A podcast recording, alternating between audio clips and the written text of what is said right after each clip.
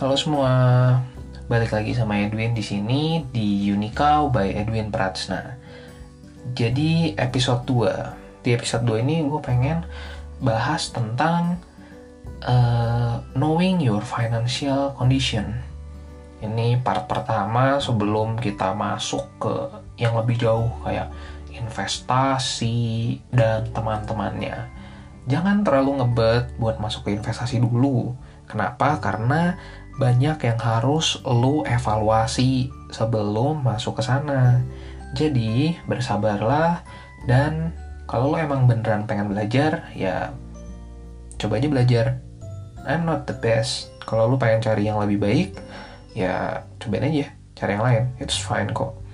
Karena balik lagi, kalau dulu ada banyak orang yang sering ngomong, e, bukan muridnya bodoh, tapi cuman gurunya aja nggak bisa ngajar. Nah, kalau buat gua, karena gua mengajar juga, ya buat gua bukan cuman gurunya nggak bisa ngajar, tapi kadang muridnya nggak mau belajar. Jadi ya, kalau kalian mau lanjut, silahkan lanjut. Tapi kalau misalnya enggak, ya ya udah. gitu. Oke. Okay. Uh, knowing your financial condition. Lo harus tahu sih kondisi finansial lo sekarang kayak gimana sih uh, mungkin kalau buat teman-teman yang biasa nggak nyatat keuangan kalian mungkin rada bingung ya gimana nih kondisi finansial gue sekarang? Atau nggak kayak uh, eh, gue dari dulu mencoba buat hemat kok gue udah ngurangin makan makan gue murah belanja gue juga murah tapi kok duit gue nggak ada sisanya ya ayo maksudnya kayak pasti ada aja yang pernah ngalamin kayak gitu kan. Lu merasa lu nggak boros tapi lu nggak punya duit. Hmm itu harus dicek. Dicek gimana? Dicek siapa tahu emang uh, income lu kecil. Ya mungkin aja. Atau enggak yang kedua siapa tahu belanja lu tuh abisnya di hal-hal yang sebetulnya nggak kelihatan. Kayak contoh ya misalnya gini parkir Katakan lu bawa kendaraan, parkir sehari 10 ribu. Kalilah setiap hari lu bawa kendaraan 30 hari. Berarti habis 300 ribu. Kalau misalnya lu eh, penghasilan katakan ya misalnya cuma 3 juta gitu. Ini aja udah 10% ya. Ya kerasa dong pasti. Belum termasuk biaya bensinnya. Nah, hal-hal kayak gini tuh yang membuat uh, kadang tricky gitu lah. Kayak wah gue kayaknya hemat tapi kok boros banget ternyata. Atau enggak gue kayaknya hemat tapi gue nggak punya duit. Nah balik lagi ke sana. Ya masalah muter-muter aja di sana. Jadi gimana sih caranya biar lu tahu kondisi keuangan lu? Nah yang pertama yang paling penting nih lu harus tahu cash flow lu tuh gimana kondisinya. Ya misalnya gini duit lu yang masuk ke lu nih katakan ya. Misalnya dari gaji dari duit jajan orang tua itu tuh berapa? Katakan misalnya lu dikasih sebulan katakan balik lagi ya 3 juta. Nah lu dapat 3 juta. Lu keluar berapa sih sebulannya? Nah itu harus tahu. Kalau misalnya nih lu nggak nyatet lu nggak punya datanya gimana lu bisa nyari tahu Nah, buat teman-teman yang belum tahu pengeluaran kalian berapa, coba di track balik. Caranya gimana? Nah, kalau lu pakainya uh, e-money or e-wallet like GoPay, OVO, Dana dan teman-temannya, lu bisa track tuh. Coba lihat historinya. Hmm, kalau lu sering sering belanja online, buka Shopee-nya, buka Tokopedia-nya, buka JDID-nya, buka-buka lapaknya. Siapa tahu Shopee lu platinum kalau misalnya Shopee lo platinum, artinya ente banyak jajan. Nah, coba ya dicek. Siapa tahu nih, ya buat teman-teman yang Shopee-nya platinum, that's good karena lu sudah mensupport banyak seller, lu sudah mensupport Shopee, thanks to you. Ekonomi kita berkembang, GDP kita naik, thanks to you. Tapi coba dicek keuangan pribadi lu, siapa tahu ternyata instead of lu charity ya lu boncos juga. Nggak sih ya udah lah ya. Move on. Setelah lu ngecek uh, duit yang masuk dan duit lu yang keluar coba lu kurangin tuh. Total penghasilan lu lu kurangin sama pengeluaran lu. Hasilnya gimana? Negatif atau positif? Kalau misalnya dia positif ya udah that's good. Artinya cash flow lu plus. Harusnya eh, bahasa manusianya gini. Harusnya tabungan lu keuangan lu aset lu eh, positif. Semakin lama semakin bertambah. Gue nggak ngomong nominal dulu ya nggak ngomong persenan juga. Cuman yang pasti bertambah. Kenapa? Karena lu positif. Kalau lu negatif penghasilan lu lebih kecil daripada pengeluaran lu artinya tiap uh, semakin lama lu semakin berkurang asetnya cashnya segala macamnya ya. Aset sih asetnya pasti berkurang. Nah kalau udah berkurang terus lama-lama habis. Jadi ya tolong dilihatlah. Buat sekarang teman-teman yang WFH ini adalah waktu yang paling tepat buat kalian memperbaiki keuangan untuk kita semua menekan reset button reset button dari financial kita kenapa karena di saat-saat kayak gini tuh waktunya kita bisa berpikir, merenung, dan take action. Ya iyalah, pengeluaran lu pasti kecil banget. Bayangin, lu yang tiap bulannya keluar biaya transportasi. Ya udah, transportasi lu sekarang nol. Buat lu yang tiap hari keluar biaya buat makan di luar. Nah sekarang kan lu makannya di rumah. Kecuali lu anak kos mungkin atau lu nggak bisa masak atau lu mager buat masak, ya lu tetap harus beli dari luar. Tapi kan nggak akan ya mungkin nggak sehedon biasanya mungkin biasanya lu ngidam uh, eh, gue lewat depan kantor gue gue lihat ada cilok oke gue beli gue lewat Indomaret gue masuk gue lihat oh ini ada ini ada ini ada ini oh lu beli. Nah sekarang kan lu banyak di rumah ya. Ya mungkin belanja online lu bengkak cuman ya ya udah lah ya. Lu masih bisa ngontrol itu. Jadi sekarang adalah waktu yang tepat buat lu memperbaiki keuangan lu. Nah kita sih sebetulnya karena sejujurnya ini juga waktu yang tepat buat gue merenung lagi buat gue lihat lagi nih penghasilan gue gimana pengeluaran gue gimana karena ya penghasilan gue sebagai entrepreneur ya terdistrap karena hal-hal kayak gini kayak misalnya gue biasa bisa buka toko gue bisa uh, beroperasi dengan normal dapat surplus segala macam sekarang kondisinya uh, expense tetap harus keluar buat sewa, buat segala macam, tapi income-nya nggak pasti. Nah, itu harus dievaluasi lagi. Nah, sama kayak kalian, gitu. Oke, okay, lu udah tahu tuh cash flow lu berapa sekarang.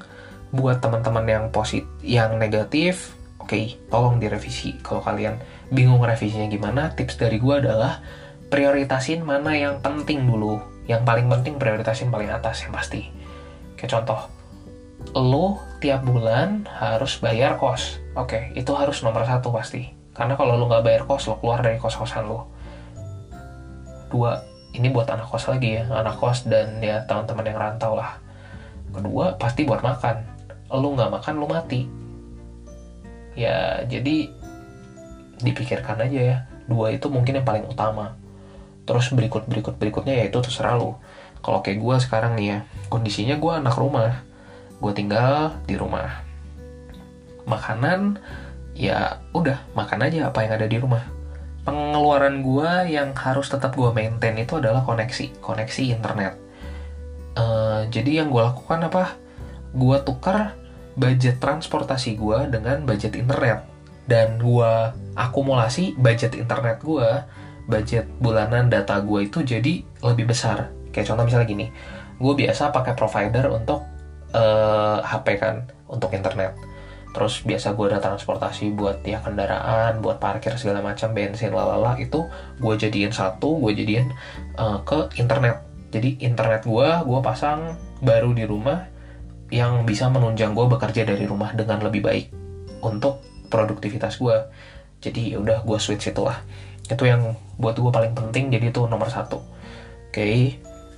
nah semuanya beda-beda. Kayak misal contoh lu uh, tinggal di rumah orang tua di kota lain sendirian. Nah, ya udah lu nggak usah mikirin biaya sewa, lu mikirinnya biaya makan mungkin atau enggak gimana gimana gimana. Nah, itu benar-benar fleksibel tergantung dari kebutuhan kalian.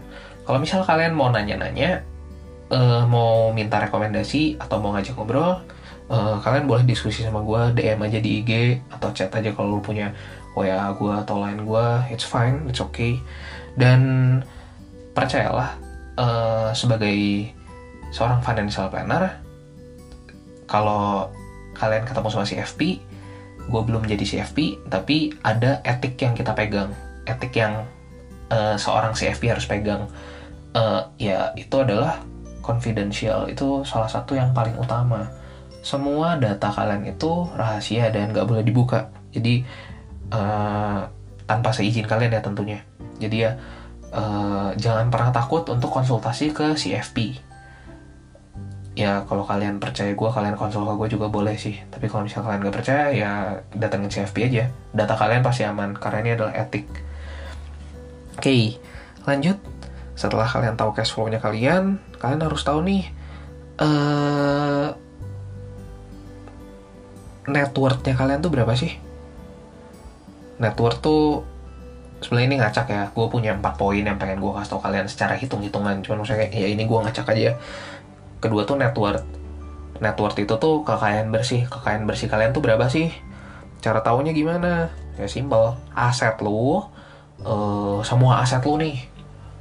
Aset investasi, kas segala macam itu lu kurangin sama hutang lu itu totalnya berapa kalau lu nggak punya utang ya udah beres misal contoh gini lu punya tabungan di bank 10 juta terus habis itu lu punya motor seharga 10 juta sekarang uh, terus lu nggak punya utang lu punya katakan reksadana senilai 5 juta ya udah berarti aset lu 25 juta beres dan sampai situ oke okay?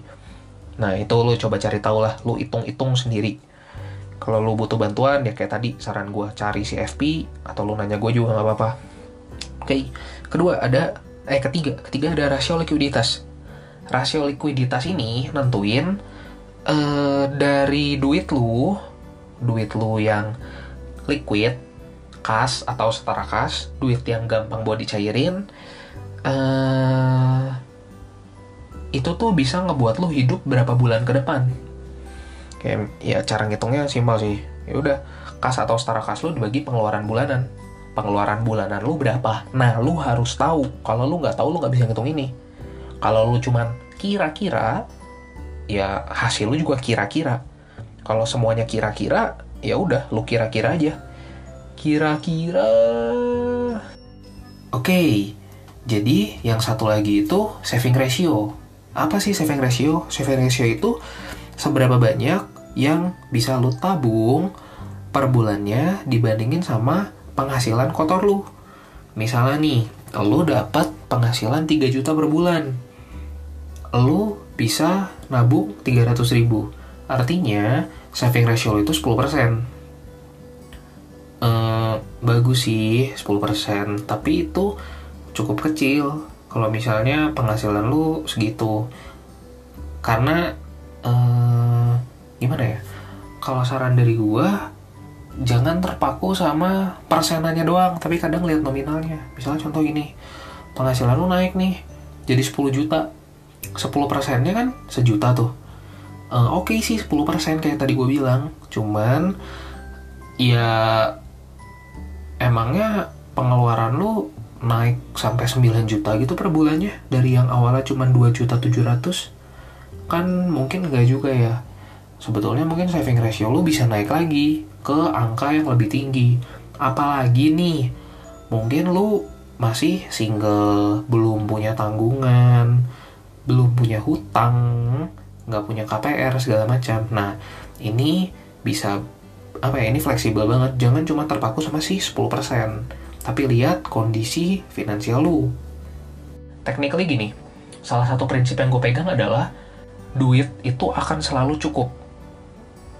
Gimana? Cukup tuh, cukup tuh kayak gini. Lu punya penghasilan 2 juta, ya itu akan cukup untuk lu hidup. Lu punya 3 juta ya akan cukup, 4 juta, 5 juta, sampai 10 juta, sampai berapa ratus juta pun itu akan selalu cukup. cukup itu dalam artian ya habis habis habis aja 2 juta oke 2 juta gue cukup makan tiap hari nasi sama tempe gitu misalnya terus naik 3 juta oke 3 juta ya udah gue makan tiap hari nasi sama ayam naik ke 10 juta oke gue makan tiap hari nasi sama holy cow gitu. Nggak nasi nggak sama holy cow ya. Misalnya lu makan holy cow gitu atau lu makan yang lain sorry gue sebut merek atau ya katakanlah makan yang lain lah. Uh, kayak ya udah akan selalu cukup. Gak akan ada sisanya. Padahal gue percaya ada certain amount of money yang eh, ya udah minimum minimum minimum pengeluaran lo tuh pasti ada. Misalnya kayak contoh ya lo eh, pengeluaran lo minimum itu tuh satu juta sebulan. Lo bisa hidup dengan satu juta per bulan. Ya udah artinya kalau lo dapatnya 3 juta ya lo harusnya bisa saving 2 juta dong. Tapi pada kenyataannya kan enggak. Oh iya kan duit gue 3 juta ya. Jadi gue bisa upgrade makanan gue gue bisa upgrade gadget gue gue bisa upgrade hal-hal lainnya. Ya ya udah. Maksudnya itu tendensi, tendensi tiap orang. Tapi ya tolong dipikirin juga si saving ratio ini karena ya banyak lah yang bisa kalian lakuin lebih banyak yang bisa kalian lakuin ke depannya kalau kalian bisa maintain ini bisa mengontrol ini. Oke. Okay. ya itu sih hal-hal yang mungkin gue bahas di awal-awal ini. Kenapa ini penting? Karena dan sebetulnya poinnya dikit banget sih cuman tadi gue kasih 4 poin ratio yang kalian hitung dan beberapa bacotan-bacotan lainnya tapi kenapa gue bawa ini di episode 2 karena ini hal yang paling penting. Lo harus tahu kondisi keuangan lo saat ini. Karena kalau misalnya enggak, ya lo mau ngapain ke depannya? Kalau sekarang lo menemukan diri lo minus, defisit, ya harus dibenerin dulu. Gitu. Banyak sih yang bisa dipelajarin sebenarnya di sini. Cuman ya harus step by step. Karena kalau lu katakan ya langsung masuk nanti ke investasi, tapi lu keadaan keuangannya belum bener ya mau gimana lu mau nginvest tapi tetap punya hutang kan repot ya hmm, segitu aja mungkin dari gua buat episode 2 kali ini untuk kalian yang masih mau belajar tolong dilakuin yang tadi yang pertama itu hitung cash flow-nya kalian duit masuk dikurangin duit keluar itu sisanya berapa yang kedua Oh, catatan buat yang poin satu ini, kalau kalian belum nyatet pengeluaran kalian berapa, mulai catat. Sebisa mungkin catat dulu dari bulan-bulan sebelumnya nih. Ini April udah mau beres. Catat dulu aja. Nanti masuk Mei, belajar buat catatan yang lebih baik. Itu. Nah, abis itu lihat kalau tadi positif ya artinya ya oke, okay, lu dalam kondisi keuangan yang cukup baik. At least nggak buruk lah. Kalau ada indikator minus 2 sampai plus 2 ya lu di 0 sampai 2 lah. Gak ada di minus minus oke okay. yang kedua hitung net worth. Net worth kekayaan bersih lu berapa? Aset kurangin hutang. Kalau lu nggak punya hutang ya hitung lah aset lu ada berapa. Nilai saat ini ya nilai saat ini kalau katakan lu udah investasi di saham terus sekarang minus 50% misalnya lu masukin 5 juta minus 50% sekarang ya hitungnya dua setengah juta jangan hitung lima juta. Hitungnya yang real saat ini. Tiga rasio likuiditas. Kayak tadi uang lu yang liquid yang kas atau setara kas dibagi pengeluaran bulanan lu saat ini lu bisa hidup berapa lama? Katakan misalnya duit lu di bank 10 juta pengeluaran lu sebulan dua setengah juta artinya lu bisa hidup 4 bulan ke depan tanpa penghasilan nah atau coba dihitung. Ke yang terakhir, saving ratio. Tabungan dibagi pendapatan kotor lu tuh berapa persen? Kalau misalnya hasilnya masih nol atau ya di bawah 10%, coba dilihat lagi masih bisa dinaikin nggak? Karena hal ini penting. Kalau misalnya saving ratio lu gede banget, mungkin mungkin income lu masih terlalu kecil.